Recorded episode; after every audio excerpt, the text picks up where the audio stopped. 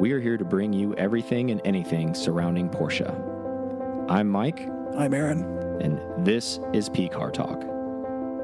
do your job and your job only, mm-hmm. unless you're asked to do another job. Exactly.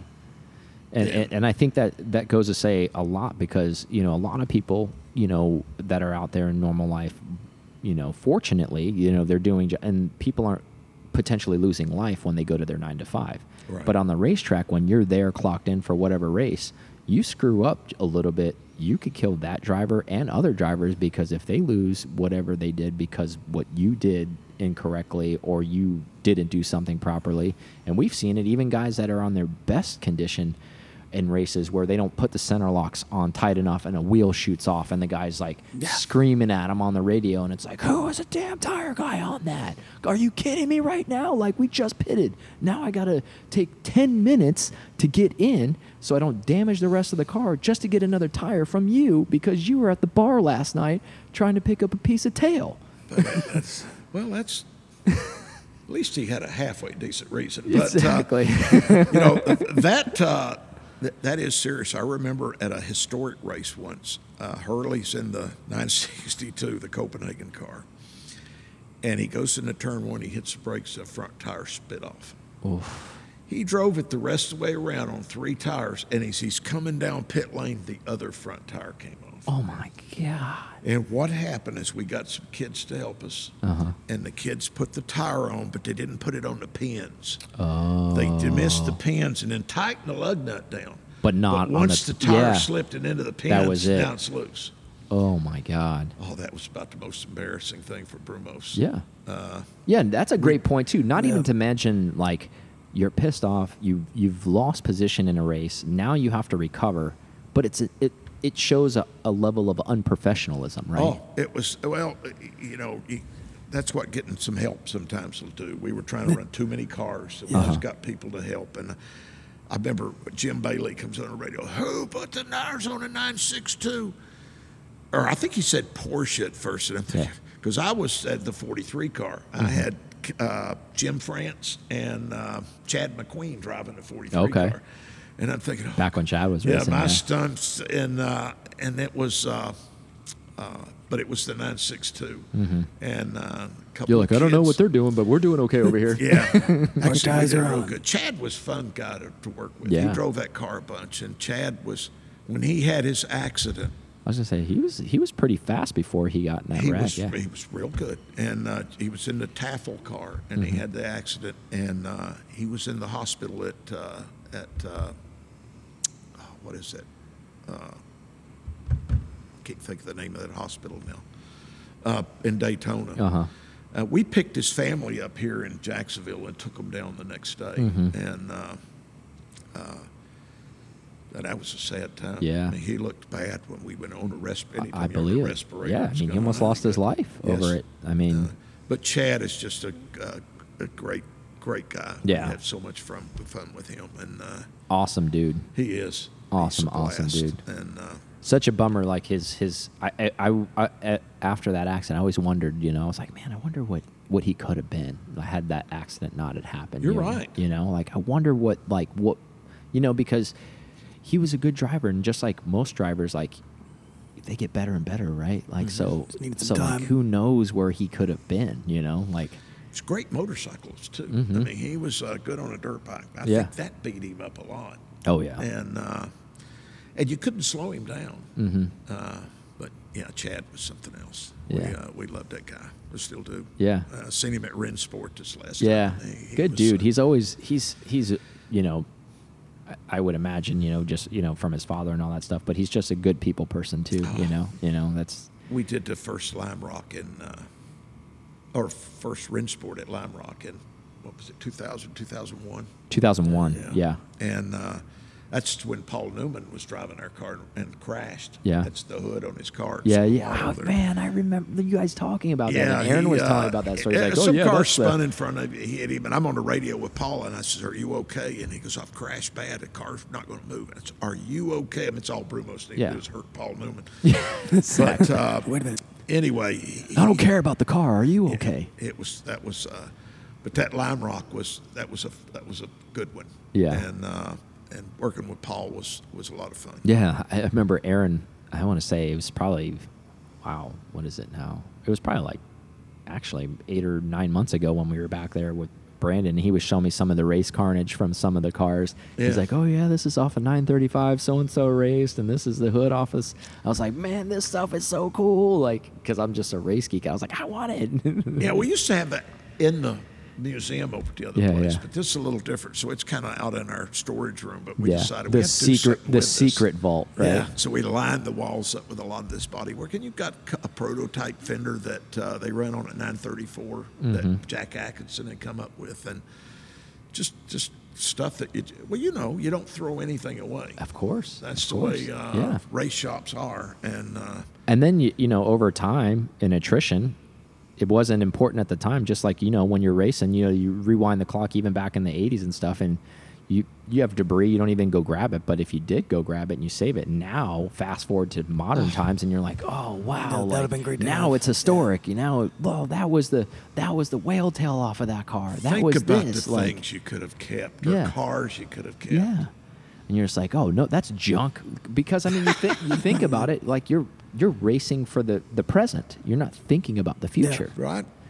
because Yeah, you're like, we're trying to win right now. Okay, yeah, well that fender is junk right now. Get it out of here. You probably got a truck driver that says, I don't have room for that. Yeah. And uh, so all that dumpster diving used to be a big deal back Oh, at the yeah. racetrack. People Yeah. Oh, carry, you see them walking out with a tire yeah. or body work. And All of those things are hiding somewhere in some shed somewhere, and probably exactly in the you know middle of Tennessee somewhere. And it's like, man, I got this fender at when I went down to Daytona, and I still have it. It's, it's out in my work shed now, and it's just sitting in there. And you're like, we actually need that to rebuild that car. well, you know, that's, uh, and, and there again, it goes to you guys uh, that are kind of calling attention to, to road racing because Mm-hmm. road racing always struggled a little bit in the United States as far as viewers and, and, and uh, like NASCAR just kind of, well, in this part of the country, just kind of blew up. Mm-hmm.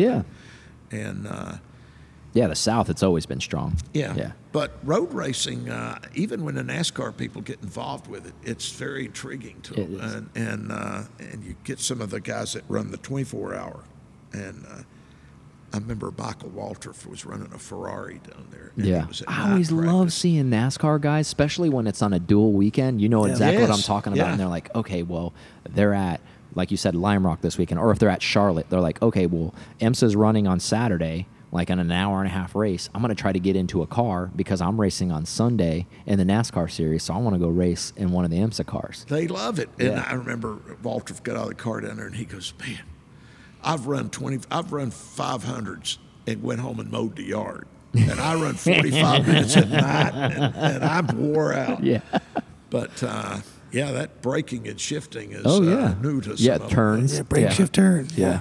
I really think that would help NASCAR if they would bring, say, 50% of the races were Roll road back to courses. Yeah. Yeah. I think so too. I, I, I think it would revitalize NASCAR a lot I mean, because they've done everything else. They Yeah. brought Japanese cars in. Exactly. They Exactly. got some women in, and they, you know they've tried to be as diverse as they can Yeah. be. Well, that'll bring in some fans, but I think there's a road race bunch out there. With, I agree. with- They'd probably change the driver talent too. Oh, Yeah. you'd see some different names at the top. Yeah. That's for sure. Absolutely. Yeah. because you're right. Because there'd probably be some crossover, right? Like some of the best road racing guys in endurance racing would say, hey, I'm going to, okay, well, if 50% of the stuff is road racing, I got a shot at winning a That's championship. here." exactly right. Like- and, you know, they get a ringer every day, get Max Papis, or they'll get Boris Said, or Yeah, yeah, some yeah. of these guys come in and run their road courses because they only got a few. Yeah. They go at the Glen and uh, Sonoma, maybe, Yeah. and just I mean, you see it, you even see it in, in road racing. You see a lot of pseudo retired F1 drivers Right. racing racing road racing stuff like going you know racing for BMW racing for whoever you know to get a seat and to, because they're just those kind of alpha males that are like I want to continue to race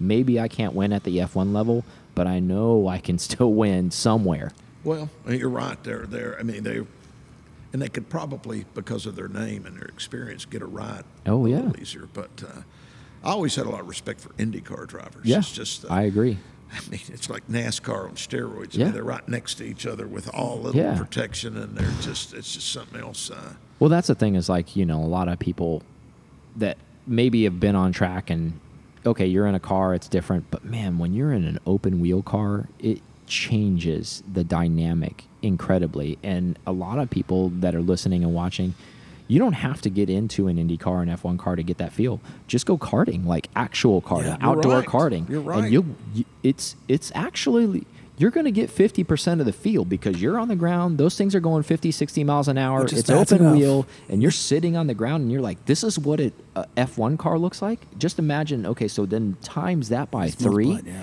So like now you're going 180 and that's what it feels like. And you're like, yeah, those guys are super talented. Oh yeah, they are. They have to be. Uh, I mean, the reaction time is unreal those guys have. It's just like, okay, hairpin, hair, this, this, this, okay, done. Hurley did his little Indy stint. He did a couple of years. Was Yeah, yeah. fastest rookie, I think. Yeah. You know, but uh, the Kiss '99 car. Mm-hmm. Uh, used to give Hurley a hard time. about it, just saying. but uh, yeah, Hurley. You know, Indy car was just.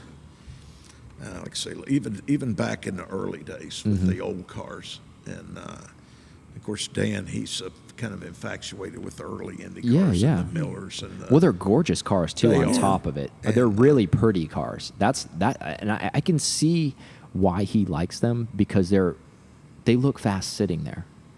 You know, like even like the modern F1 cars, like they've changed so much. Yeah, you know it's fast, but like on that, there- I like I always call it. There's a lot of engine jewelry you get to see There still is. with those cars. You know, you you see the header sticking straight out of the car, and you're just like, wow, this is when like men were men, and there was. and sheep were scared. Yeah, and there was no barrier to save you, and there was no safety equipment. And not saying it was right or wrong, it was just a different time, and that's just what they dealt with, and that's what they worked with. And unfortunately, a lot of people lost their lives racing during that time. But that's what made it like scary and exciting, and and wow, you you're one of those guys who do that. You're Yeah. you're nuts. you know what I mean? Like one of those type of deals. Yeah, racing was a real dangerous sport. Yeah. I Uh, mean, literally every time you went on track, you could die today.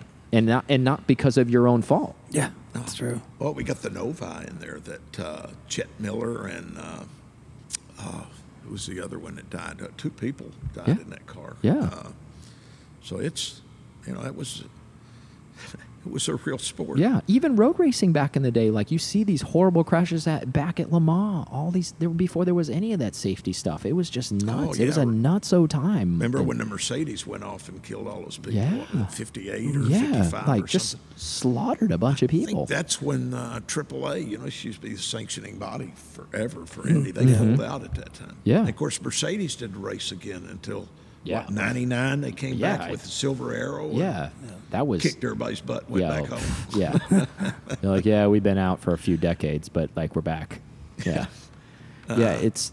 I mean, it's come a long, long way. I guess is what I'm getting at. But I can see Dan's a, a- affinity towards that time because those cars are really, really special looking, and you think about what it what gumption it took basically to get into that car to begin with. First of all, like if you took somebody and it's like, okay, you're going to go in this car, and we need you to go as fast as you can. You're like, okay. You're like, no, but I mean it. Like you, you need to win. like I'm not saying like f- your speed fast. Like you got to beat all of these other guys that are racing the same thing. And if um, they're rubbing against you and they're right next to you and you can slap each other and all that kind of stuff, like I need you to keep going. Like I need you to win. Are you capable of doing that? And, and that that was just a, an unreal time. Like to think that even anywhere before safety, like they allowed it to happen. That's what's even crazy. Yeah. Yeah, I mean, you can't have safety until something happens, and they go, okay. Yeah, but the thing Well, about it is, even at that time, it was happening. That's the crazy. Like people were crashing, people were dying, but there were no answers to really fix anything. They just kept racing. They're like, Yeah. "Oh, hey, sorry, old old Joe perished last weekend in a horrible crash. He was a great guy and he could drink a lot of beers, but." Sorry about it, Ben. He was a fast driver. I actually kind of secretly glad he's not here anymore because maybe now I can win. Win, yeah. well, you know, Eddie Sachs, when that big crash, that fireball crash, you know, they they, they made a change and kind of went to alcohol. Mm-hmm. I mean, alcohol is much more controlled burning and it doesn't explode like that. Yeah, yeah. Problem is, you can't see when a guy's on fire. That's the scary part. They it's like the- I'm on fire, and it's like I can't see that you're on fire. Well, they I'm tell burning. the fire bottle if you're dancing, just uh, drown that guy. Exactly. But, uh, uh, and and Porsche though, you know, Dan loves these cars, but he's a big Porsche nut. And let's face it, Porsche himself wanted fun cars. Mm-hmm. And That's If what they were birthed in was racing. Exactly. That that's what and and I've always said this too, and you could probably support me on this. Aaron and I talk about this a lot. You know, you have all these people who ended up making cars, and all the manufacturers that will go on unnamed when they were like making cars. You know, like for example, like Ford, they wanted to make cars for the masses, whatever. Well, when Porsche first made cars, they're like, we're making a car to go racing, and like, oh, by the way, we'll make some road cars to support our racing That's right. And, and it's and, and when you have a company that kind of has that mindset from the birth like as a consumer you're always going to win because you're getting a version of some type of race car that's funneled down to your street car And it's amazing how they kept the same product and kind of kept perfecting it.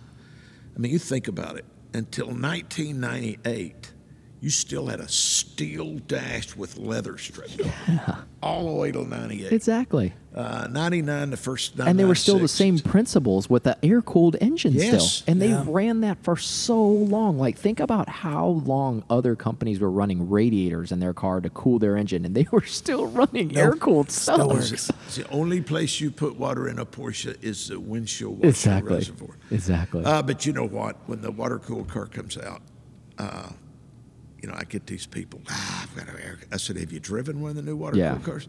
Well, no. I said, "Well, they don't, because Yeah. it's going to spoil your whole yeah day." they're incredible Uh, they are. I mean, when you went to four valves per cylinder, you, you, the the volumetric fish or the uh, the way the engine breathed was just huge. Mm-hmm. Yeah. and uh, and I tell people that they say, well, the Boxster only has this much torque, and this.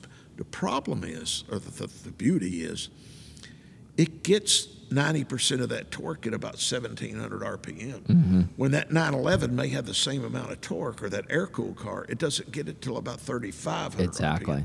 Well, guess what? You got to go from zero to 35. Well, I'm going to get to 17 much quicker. Absolutely. So, and what else did that do? It made automatic transmissions work well because now that torque converter that was robbing all that torque, Mm-hmm. Yep.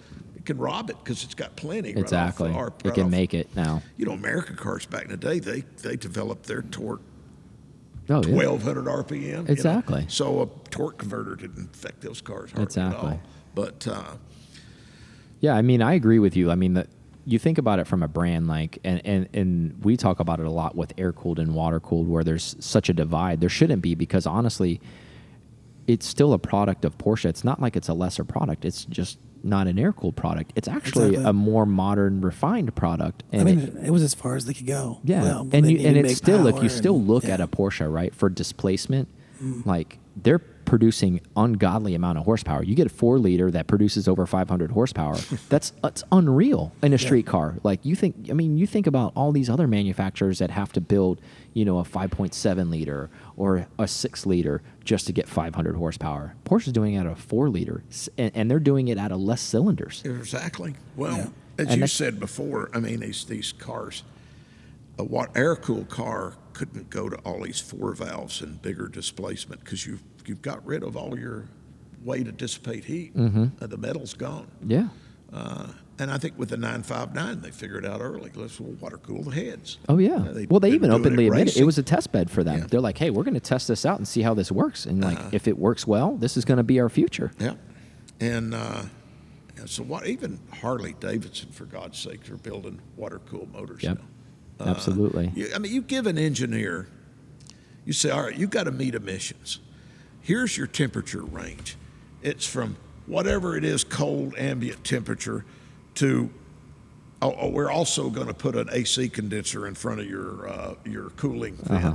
So you, they've got a huge span that they got to try to make this thing meet emissions in. Yeah. You give them a water cooled car, and they're going to say, you're right up to 180 degrees, and it may go to 195 degrees. Yeah. So You're like- there's the parameters you like, have yeah, to work with. we're fine. and uh, so, I mean, that's just that's made a huge difference. Oh, yeah. all manufacturers, not just Porsche. Yeah. But, uh, Yeah, and I say I say that to people all the time too, you know, because some people are just stuck in it. I mean, I, I have an air cooled. I love air cooled. I have a water cooled too, but like I like both, which is nice. But I feel like if you're a real, real Porsche fan, you really do have to have both because you got to have a foot in both eras, right? Like you got to have a foot in the classics, and then you have to have a foot in the in the modern era because because what they're doing is special on both ends, right? Right. Like so, it's it. You have a, a, a page that you've turned, but you're never going to forget what the air cooled, and it's a super special car. But let's be real, like you said, back to to heating and displacement and like cooling and all that stuff. If you want to make power, and you don't want to put a bigger you don't want to go more cylinders and you don't want to you want to keep the flat six you want to do all that stuff i mean the only way to do it is to cool it down Right. so Well, so now, did you uh, see the future when you got that 964, or uh, no i didn't actually i just love that car and i was just like i bought it six years ago and you know people actually thought i was nuts when i bought that car because i actually kind of paid up when i bought that i actually bought it from uh, dick barber oh, really? Yeah. Very cool. Yeah. So um, I reached out to him. He, I heard he was going to sell it, so I reached out to him, and it, and it, it wasn't. It didn't look anything like it did. It was just a bone stock C2, you know, with with the D90 wheels and not lowered. It was just his daily driver. You know, he picked it up in Santa Barbara, and um, I was like, hey. I'd like to buy it just because you owned it, and I'll do whatever I do to it. But you know, a lot of people are like, I think he wanted like, I, I think I paid like thirty eight for it six years ago, and people are like, you're nuts. What are you doing? That car is garbage. You saw the future, is what you did. I wish I did. Like, had I saw the future, I'd have just been gobbling. I would have bought. I would have bought ten of them if I did see the future. But uh, yeah, I, everybody that I know that it was close enough to me, you know, even in the air cooled war, were like, I can't believe you're buying that thing for thirty eight thousand dollars. You're you're insane. Like that, you're buying junk for thirty eight thousand dollars. And I'm like, well, I like the way it is. like, I, it's sequential fuel injection, coil over springs. uh, no, I mean yeah. it was. Oh no, uh, that's all. Everything you're saying is the reason why I was buying because I did. uh, You know, I knew Porsche stuff, so I was doing my research, and I was like, "This is the future. This is the future air cooled car." Like, and for me, and like I have nothing against a 993, but for me, the 964 is kind of for me for classic air cooled cars is where it ends because mm-hmm. it still has the pontoon headlights. Mm-hmm. It's classic 911 still. It doesn't it doesn't lay down more like the 993 does. And I like for some reason that car just is the perfect blend of the past and where the future came in the 90s with Porsche. And I know it was like a bridge point. You know, they were struggling as a company, but I feel like that car just for me aesthetically looking at that car and I'm like this is classic Porsche with modern guts essentially Well, that's true. you know and that's and that's the best way I can describe that car and that's why I always lusted over a 964 We did the supercar. It was, uh, you know, not a lot of changes. Mm-hmm. I mean, you didn't have to go in. A lot of, you know, torsion bar cars, you went in and put coilovers Yeah, on yeah. it. There was none of that. yeah I remember Harris saying I think the first time he, he rode with Hurley was in, in the 965 that you guys had the turbo and he goes I almost peed myself when I rode with him I think I rode with him at Roebling when he was like taking people around on Roebling Road and he goes I almost peed myself when he drove that car around there he's like that car was unbelievably fast Oh, it's it was cool. We uh, I- Hans. I went around Laguna Seca with Hans Stuck in the '58 car, oh yeah and uh, he's going to try to scare you to death. Uh, and problem is, I didn't have a seat. I only had that roll bar. Oh, yeah, so you were just there. holding Yeah, it was, but it was. I was Hans Stuck, man. oh yeah exactly So cool. But uh, he tried to kill me but you're right. They've got the Buckeyes. They've Yeah. got it's. It does look. Uh, I mean, I always Because it changes a lot 964s. after No, I like the 993. 993s too. I do too, but it's a different car, It right? is different like car. you can almost take like a, a, or early short wheelbase 911 back when they were even 901s, and you could put a 964 to it, and you go, I can see where these cars are super close still, super super close still. Some of the purists would give you a hard time about it, though. Yeah, of because- course they would. Well, they, when the 911 come out, they, they didn't like that car. No. know? Oh yeah. Well, I mean that's a whole nother thing. The 356 crowd is like their allegiance is unbelievable. like they're just like, whoa, whoa. I'm like, all right, come on, man. It's a Super Beetle. Let's get over it. It Like- is. I mean, I love the cars. Yeah. Believe me. Uh, we just did that Pre-A in there. That was our last Yeah. project over at the other place. They're and, uh, gorgeous. Don't get me wrong, but Oh, like you know, you're a track guy. Like you know, you want a little bit of speed out of the thing. Come on, I mean, it's Hurley's getting a, an outlaw car. It's yeah, like. Rod's building one, right? Yes, yeah, yeah. yes, uh, Rod, he just talked to Emory. Uh, Rod. Actually, he's going to be taking delivery, I think, pretty soon. Yes, of it. December. Yeah. He just yeah, yeah, told yeah. me yesterday. Yeah. Uh, He's super excited about it. I remember is. talking to him about it not too long ago, and he's like, "Man, Rod's building me a car. I can't wait." He can't wait, and it's perfect for St. Augustine. Yeah, It's going to be a perfect car. Yeah. Rod Uh, builds some amazing It stuff. is. And I think Jeff Gamroth's doing some of the motors. Jeff Yeah. used to work with us up in uh, with the supercars. He works a back in the lot with Jeff for his engine builds, Yeah. and which like that crazy split case 964 like Jeff built that motor for that like you know that turbo car that he built that wide body Right, through right, yeah right, yeah right. Jeff built that Yeah. motor for that car yeah Jeff was so fun. We uh, in '93 we run Laguna Seca.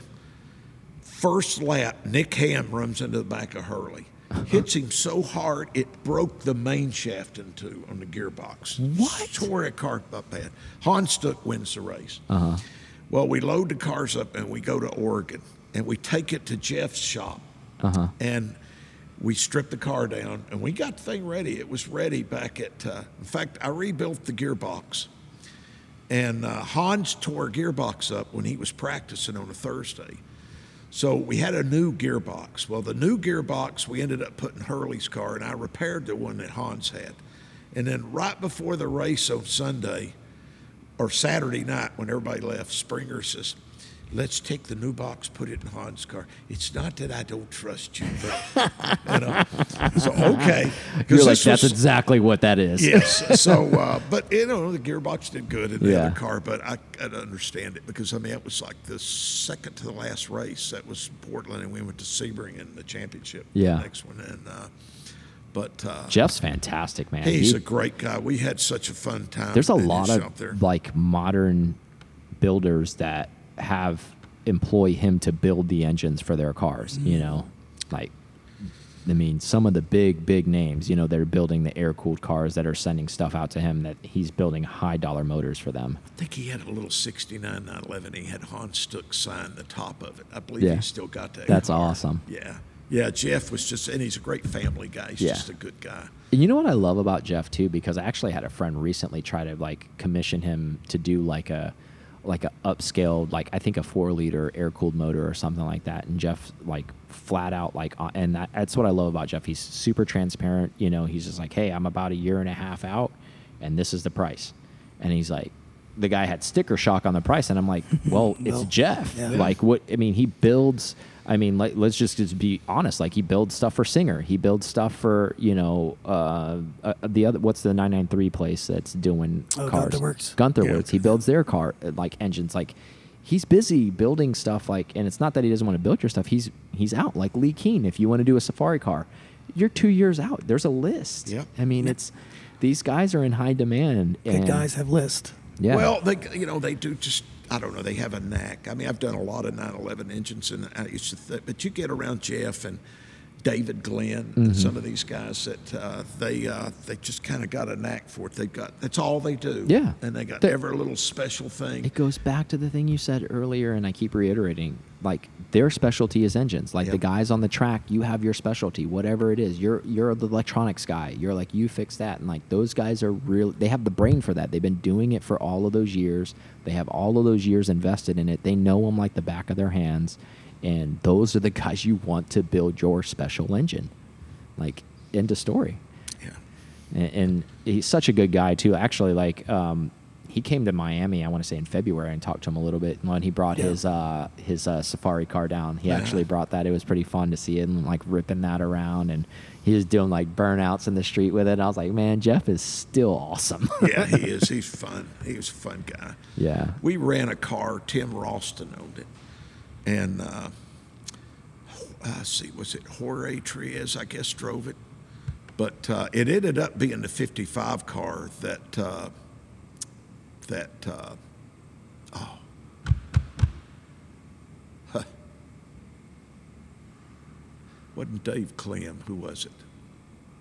Ah, can't think of his name now. But uh, that car turned out to be uh, a good car. Who Yeah. was it? Dennis Aase. Okay, Uh, nice. I remember we saw it the first year, and it was a plain Jane white car. We ran number 69. and uh, B- Bob could have put Brumos on it, but he, he nah, nah, nah, I don't know about Jeff Ralston. I, I will see. Yeah. I, don't, I don't know. Well, about in the middle of the night, we're sixth, and it's doing good. And uh, and Rob Dyson goes over to Bob's motorhome, and he walks in. He goes, "Isn't that your guys?" And he goes, "Well, I've got a couple of guys on the team, but that's." You should have had your name on that car. it was great, and He's it like, was number sixty-nine. Missed Everybody's- opportunity on that one. Everybody thought, oh, y'all be. You should have got Cafe Erotica or somebody. to do the car. Oh yeah, that would have been but hilarious. uh, but that was a lot of fun. But Dennis that? Got a hold of that car the next year, and it ended up the '55 car. I think Tri- uh, uh, Jorge Trias drove it, and uh, God, when Dennis got rid of it, it had a removable front end, and it was Dennis insane. He was uh, he was he was cool. Yeah. he uh, him and his brother they were. talking about those stories just reminded me it sparked my memory of like a cool story that was shared um, when jeff Zwart bought an engine from you guys at brumos because he saw it in the classifieds like i think it was like a, a race engine for an rsr car that he saw that he bought from brumos that's kind of the cool stuff that brumos still used to do from even like a parts perspective you guys house because you guys race stuff and he was racing Pikes Peak and he needed an engine, so he ended up sourcing an engine from Jacksonville to go race in Colorado, which is kind of crazy. If we would have run the Supercar Series in '94, we would have ran Pikes Peak. Mm-hmm. So we had a Pikes Peak motor that Andal had done. Yeah, yeah, yeah. And so we didn't run in '94. We did the LM deal with the factory, you know the Yeah. and. Uh, so that car sat in parts, and Buddy Kennedy, you know, you've talked to Robert, his Yep, dad. yep. I mean, Buddy Kennedy had been there. Yeah, he was parts manager. Parts manager. Yeah. and uh, yeah, Buddy wheeling and dealing. Yeah, and, uh, ended up with it. I just sold an old 928 engine that we had because I mean I was loved 928s. Yeah. You know, I built Oh. my home on 928s. Yeah, you know. they're Uh, amazing cars. I thought they were cool back in the day. I still want one. I still think they're cool. Like I, I would like to have one. Like from a nostalgia standpoint, I think they're awesome. I had a black 88 five speed, and I'd love to still have it. You know what? I want one. It has Pasha interior. Yeah, Yeah. Pasha interior is cool. Yeah. That was the first first year when in '77 Yeah. when they came out, Yeah. they had that interior in them. And Speaking that was, of that, prototype has it right. yeah, Pasha interior. Fuhrmann, Fuhrmann was a big deal. That was his his deal, the waving checkered flag Yeah, or yeah. whatever. Well, you know, Fuhrmann was kind of against the 959. He wanted to phase out the nine the 911s. And of course, Peter Schutz and Helmut Bott. Peter Mm-hmm. Oh, yeah. Schutz, uh, I don't think you should do that. Uh, So when they did this car, being a pre-prototype, to kind of appease Fuhrmann, they put his interior. Oh, that's why it's yeah, in there. and uh, so that's what Peter told me. anyway, Okay. Peter Schutz, and uh, to kind of like pad it a little bit to be like, hey man, Yeah, okay, yeah, it's kind of cool. Peter Schutz. That was another thing about Brumos. We got to be around Peter a lot. Mm-hmm. He did an interview with, uh, or what was the guy's name that used to do a Pinnacle? It was a show on CNN. Uh, he's a finance guy now on uh, Fox News, British guy. Ah, I can't think of his name. But he, he did a program and he interviewed Peter Schutz back in 1983, 84. Wow, okay. And Peter, we did it at the dealership, and uh, and that's the first time we got to meet Peter. You know, they asked us a few questions, and and uh, I'm sure he come over to me. I sound like a damn hillbilly, but it was it was funny. I'm gonna have me one of these one of these days. You know. But, I like uh, this one a lot. but uh, P- Peter Schutz was amazing, and and we uh, struck up a big rapport with Peter. We brought the first speedster in. It was an '85. Rick uh, Rick Riley still has it. Okay. now. You probably G-body speedster. Yeah, yeah. Mm-hmm. Yeah, it was the little short windshield. It was the first one. It was an 85 911 that Porsche had done this. And they had a hard top that went on it, Yeah. a tonneau cover, and then a big windshield, and then a little windshield. Yeah. And uh, we put it in all these configurations, and Bill Werner did some pictures for Road and Track, and we drove it around a little bit. But uh, it was great to really get to know Peter real well. Yeah. And then, of course, we ran the 928 in 94. Uh, that was funny. It was number 92. And Yeah. they didn't want three numbers. Say, we don't need three numbers. You got Yeah. 92. so Bob wanted 928. Yeah. And so if you look at that car close, a model of it, a picture of the car that ran with the Brumos livery, and, Uh-huh. and or it was a style auto car. Style Auto, yeah. Yeah, I remember. Because Michael Had the windshield banner where it said Brumos. Brumos yeah. it. And it and Mario and Michael was driving the first 962, and it was all white, number one. Mm-hmm. Yeah, yeah. And uh, but Bob snuck over there and put an eight and you look at it, it's close. It's right beside the tube. Really? I'll have to go back and uh, I have to go back and look at that. Look at it. You see a little eight right beside it. It was very cool. And that car, they boasted that car, kept saying, you know, it was a street legal in Germany. Mm-hmm. And uh, so it did real well. We had Hagstad and uh, Alf, uh, a bunch of different people drove the car. Yeah. And uh, Attwood and uh, Vic Elford. And all it had good balance, right? It was a 50-50 Oh, it car, a good right? 50 50 car. It's Yeah. a great car. And I think it was sixth in GTO. It was doing good. Mm-hmm. But middle of the night, a piece of Mazda tail went through the windshield. Oh. And Eckhart Schneider, he was uh, he was a factory mechanic, was the shop foreman at Brumos when I got there. He was a factory rep for a long time. Okay. Redhead. He used to do the 917 for uh, for us. When Oh, we had okay. The, the, been with Brumos forever, but uh, uh, we were the fuelers. You had a bottle on one side and the fuel hose Uh-huh. on the other. You know, we we'd switched around, but uh, that car, that piece of Mazda tail went through the windshield in the middle of the night. So I got in the car and I had my feet pushing it out. As soon as we got it broke loose, get, get, get over the wall. So I'd jump out, you know, and the Germans fixed it and they just taped another windshield in it. well, the next morning, Speed tape.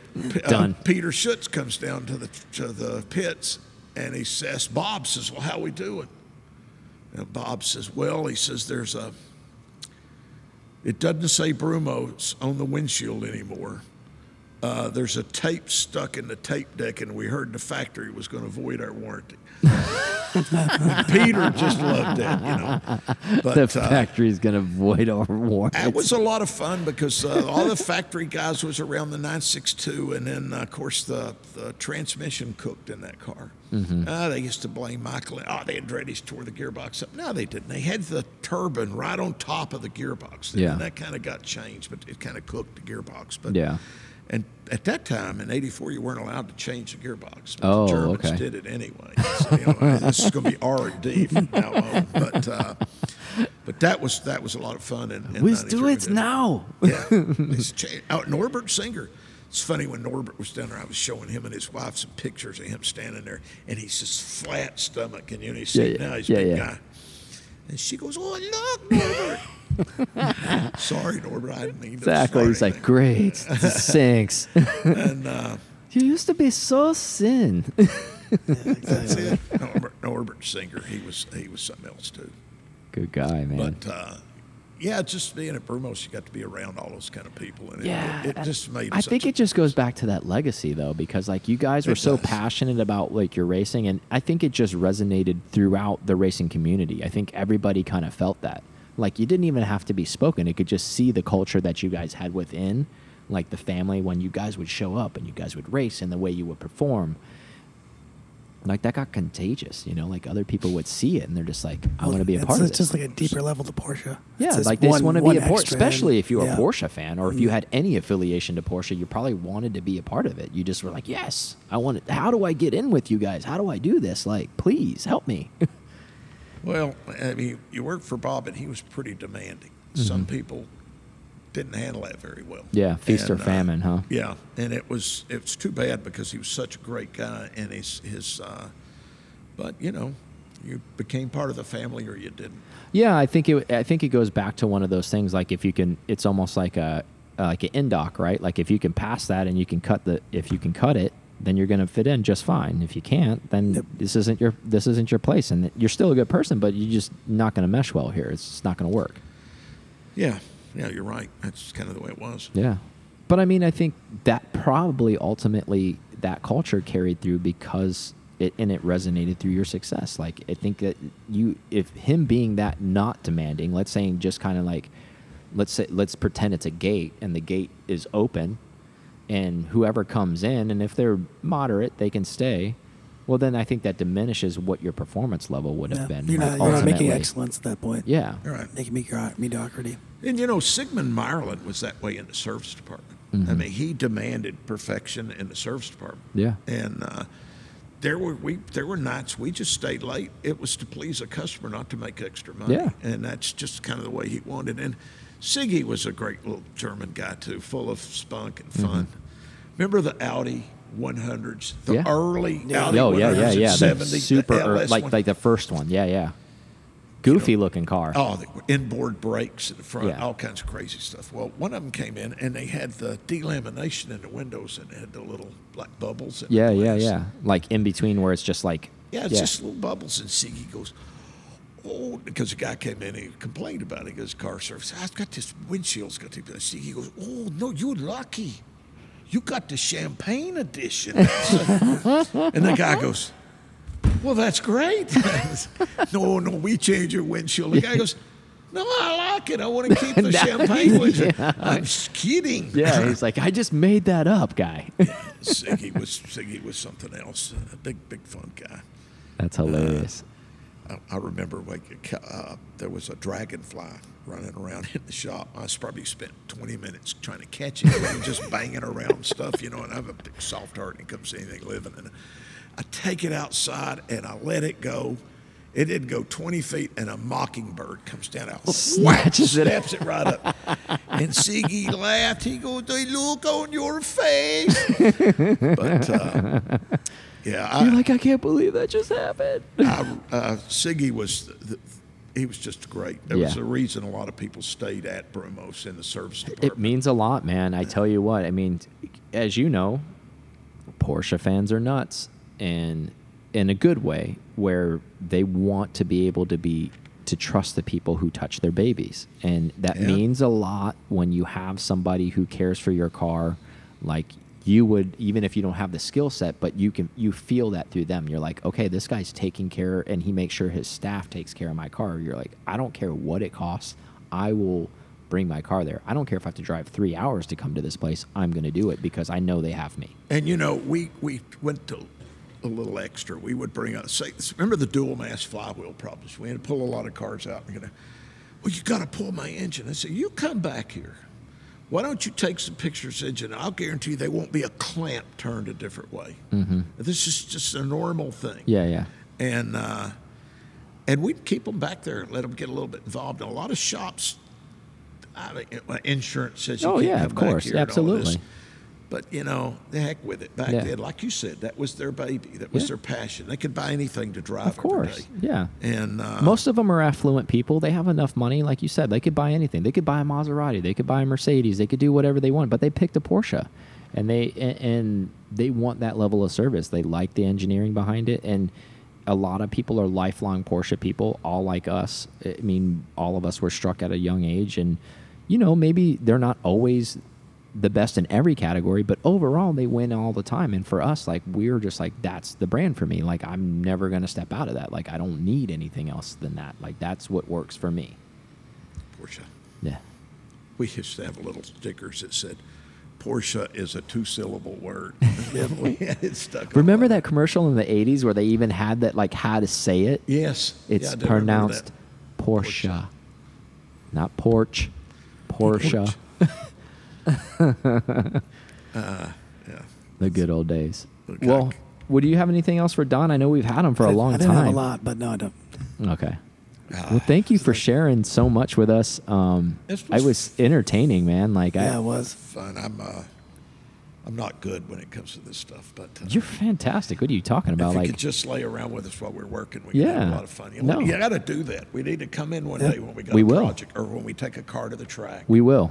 Uh, Absolutely. Come down. Maybe you can uh, go Yeah. pro it all up. Yeah, we will. Like, uh, definitely. I'll talk to Brandon about it, and the next time you guys want to go like run something, we'll we'll make the drive and we'll we'll meet you guys, and that'll be great. Is it a long drive for you? No, not at all. A couple Yeah. hours. Oh, not too yes, it's come up. We're gonna we got to get the cars out next drive. We'll go get the 962 out. bad. Oof. Uh, we're gonna take the 959. We'll be there. week or two. we'll be there. You got us. we'll be there. I'll Uh, be like, somebody. Dri- I just want to ride shotgun. I just want to be in this thing while you guys do it. like you are. Like I'll be hanging on. Like ah. Maybe come to Daytona. Yeah. Uh, to 24. Yeah. Like I say, 24 We'll be there. minutes. We're going to drive, uh, probably take the uh, the original 914, the Mm-hmm. orange one, uh, the, the uh, little orange 911, Yeah. the 70 uh, uh, ST car, and uh, the the 2012 Okay. uh, GT car. Yeah, yeah. Yeah. And uh, We'll be there for know, maybe one more. AHSR, and we'll be there for the the Rolex. We'll be there for both. Yeah. So we'll be there. Uh, this is uh, we got with Timmy Pendergast, and he said just bring whatever you want. I have the 19 car that was Burt Roberts. okay. Uh, prayers go out to Bert too. He's he's Yeah. not doing good, and Yeah. uh, Bert uh, was uh, head of MCI back in the day, and uh, is responsible for some of these cars that Yeah. we have up here. And uh, he's he's I just talked to his son. He's not not doing real well, Yeah. but he ran his Burt flag back in the day and drove the Brumos 19 car. That's awesome. Mm-hmm. And uh, Jack Baldwin used to drive with him, and then Jack Baldwin is just you know Yeah, something else. absolutely. And uh, the Dale Earnhardt of Trans Am, I think. I yeah,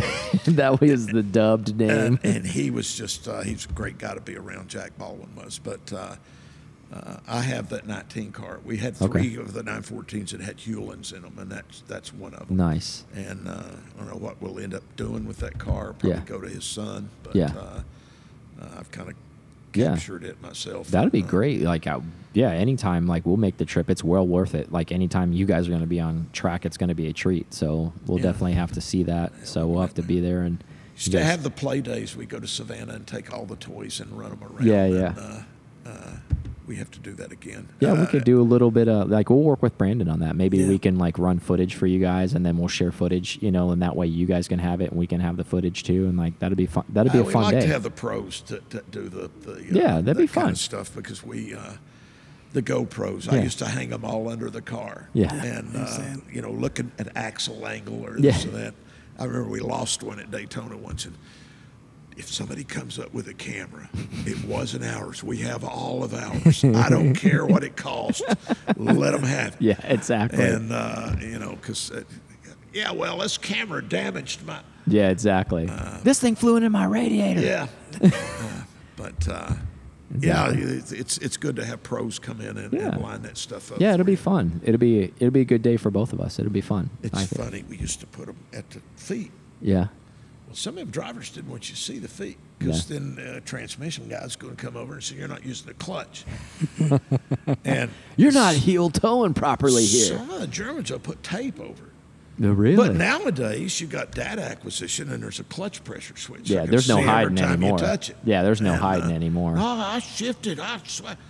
You're like, well, actually, funny. You don't have any. right here, all the way through, you didn't do anything. and they're like, I'm done racing for this team. Stop putting me against the wall. Oh, you get it. It's according to the drivers you have, but we always had such good pros that we didn't have to worry about that too much. Yeah. Thank goodness. yeah, you guys are always great with selection. So, Uh, and that's what it's all about, to be honest with you. yeah. Until you've been in it and drove with some of these guys, pros, it's unbelievable how what a difference a driver makes. Yeah, absolutely. And uh, and it goes back to I think a lot of the people I even talked to um, the lead engineer on the factory Porsche racing team. They not not necessarily always have the fastest guys racing for them, but they have the guys that make the best team. Meaning Right. like they get they they complement each other the best, and they also have a good working relationship. Meaning like they don't hate each other. Like they're like we'll work together, and they're like, hey man, when you go to third it's going to make this weird thing, you know, something that's shared between drivers. You know, if you have two guys that don't like each other, he's not going to tell the other guy that. He's going to be like, yeah, have fun. Well, I mean, you know, you got to learn. I think Hurley learned. Uh, it's funny. He said Bob Wallach told him, you know, just to uh, whenever they tell you anything, just say yes. Don't don't. Uh, Yeah. And uh, really, it's like the 936 when he won with Jacky Ickx. Uh, towards the end of the race, they lost a cylinder, Mm-hmm. And uh, so they brought him in and got Hurley out of the car and put Barth in the car, Mm-hmm. and because he could talk to him about how to. Yeah. What he nurses around and they win. Yeah.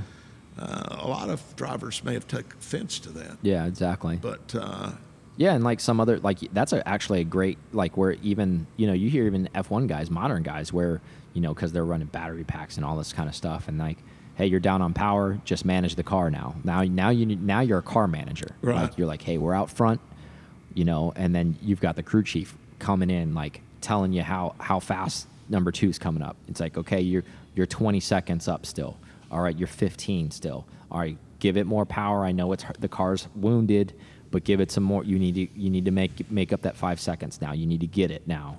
And okay, now ease back, manage the car, manage the car, manage your tires, manage your tires, like that kind of stuff. And it's challenging. A lot of people that aren't in racing that just look at racing and don't know the ins and outs of it. There's a lot going on there. Oh, yeah. I mean- Fuel consumption, tire consumption, all of this stuff. just those kind of uh, in 09 when we won the 24 hour david donohue the last lap at montoya was right on him mm-hmm.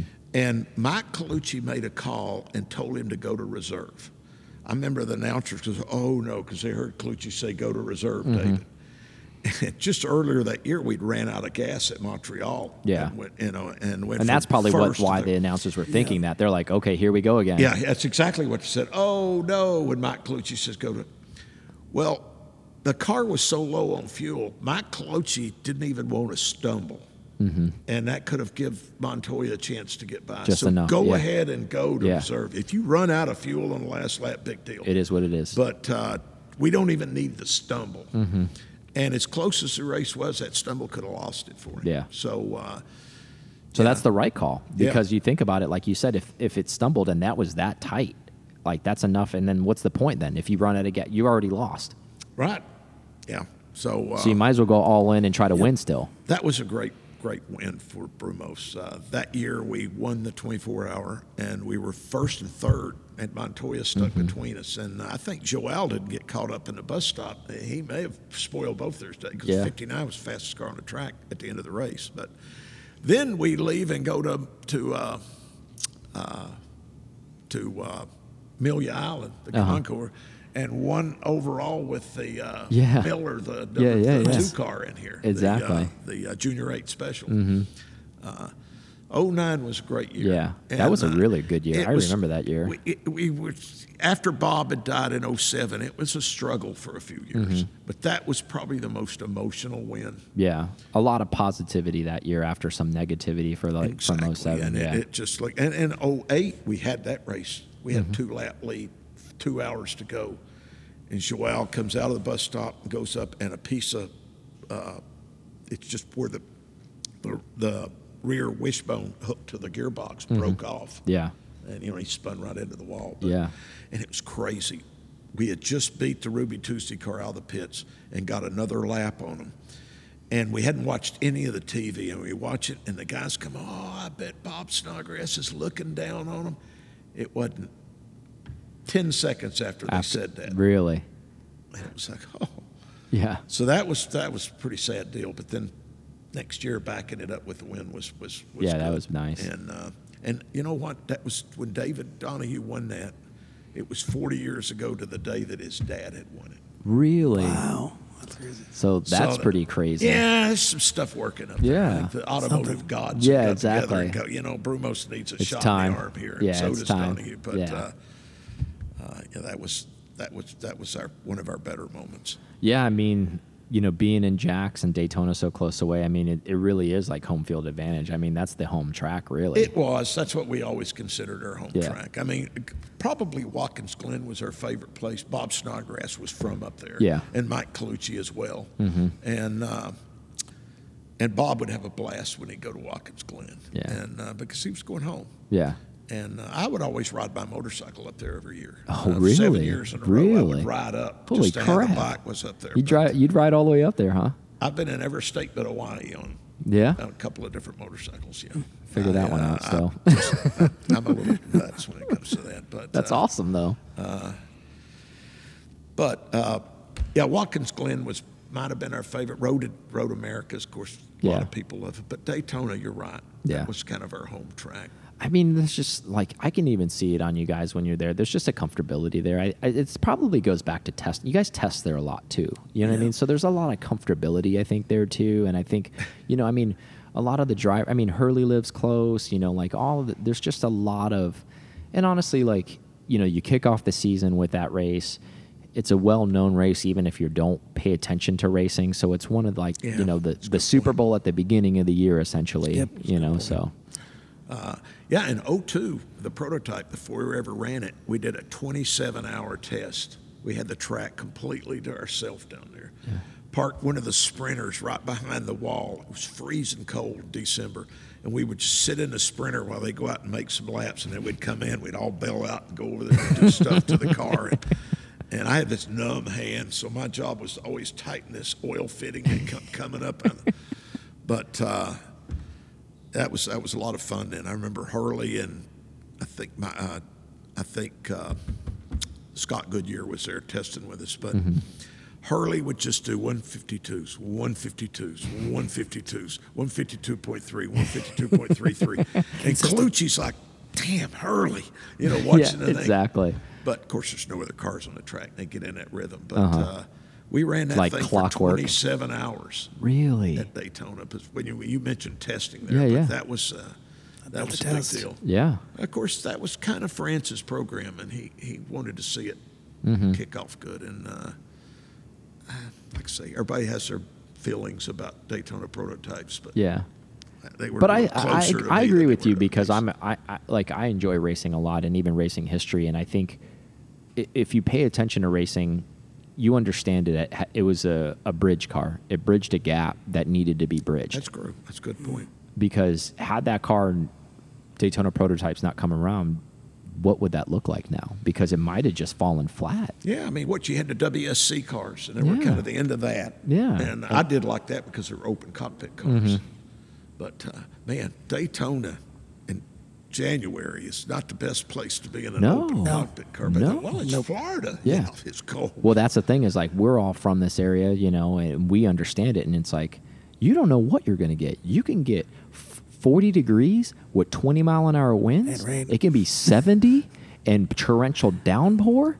It could be sunshiny and 80. Yeah. Like it, All in 24 hours. All of those things Yeah. can happen in a weekend. That's right. They may all happen in one race. Yeah.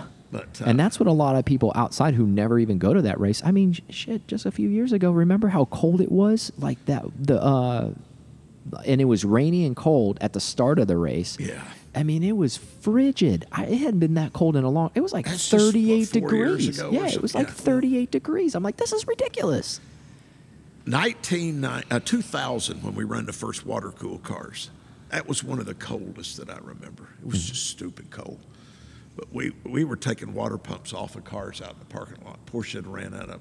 Yeah. They changed like 19 water pumps during the race.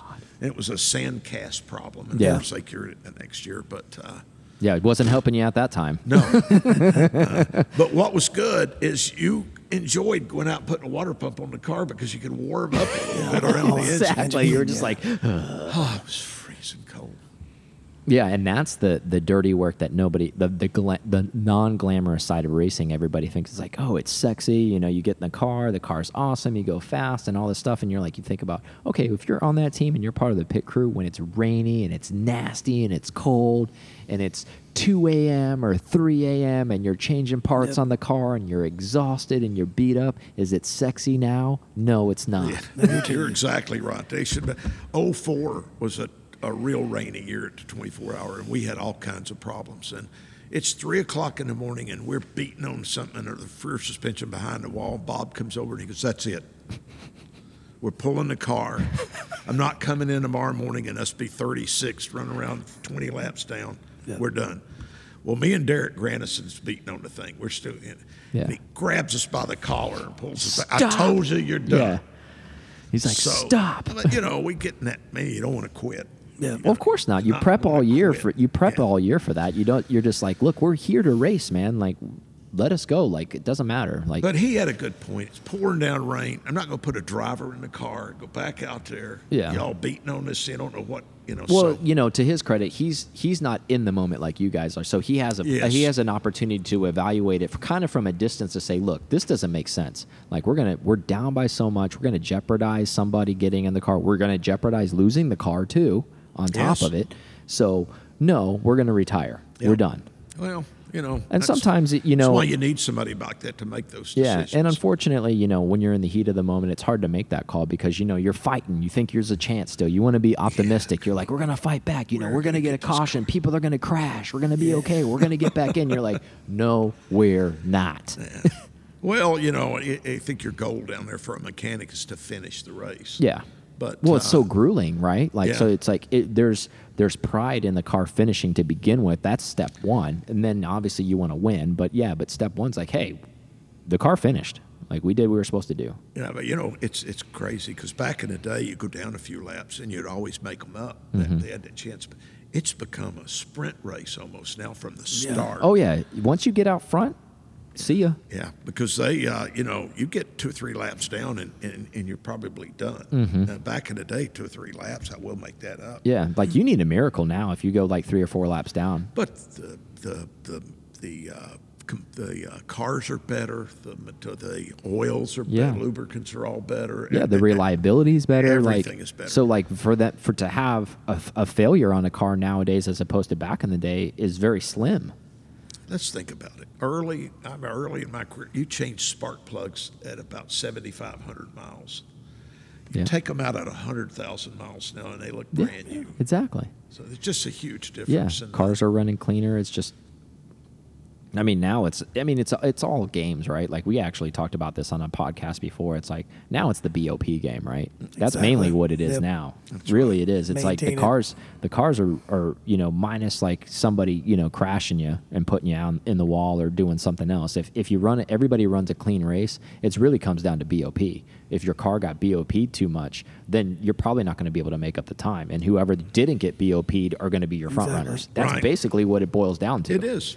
It's it's a shame, but that's where it's at. Well, like I say, it's a sprint race from the go. Mm-hmm. And, uh, but, I mean, that was probably Hurley's always. And that's another thing about Hurley.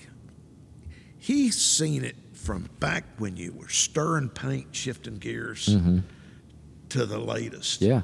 And and kind of their way with mechanic business. When we first got in, we had old antique ignition systems. They just started CIS, Mm-hmm. and we went through all these.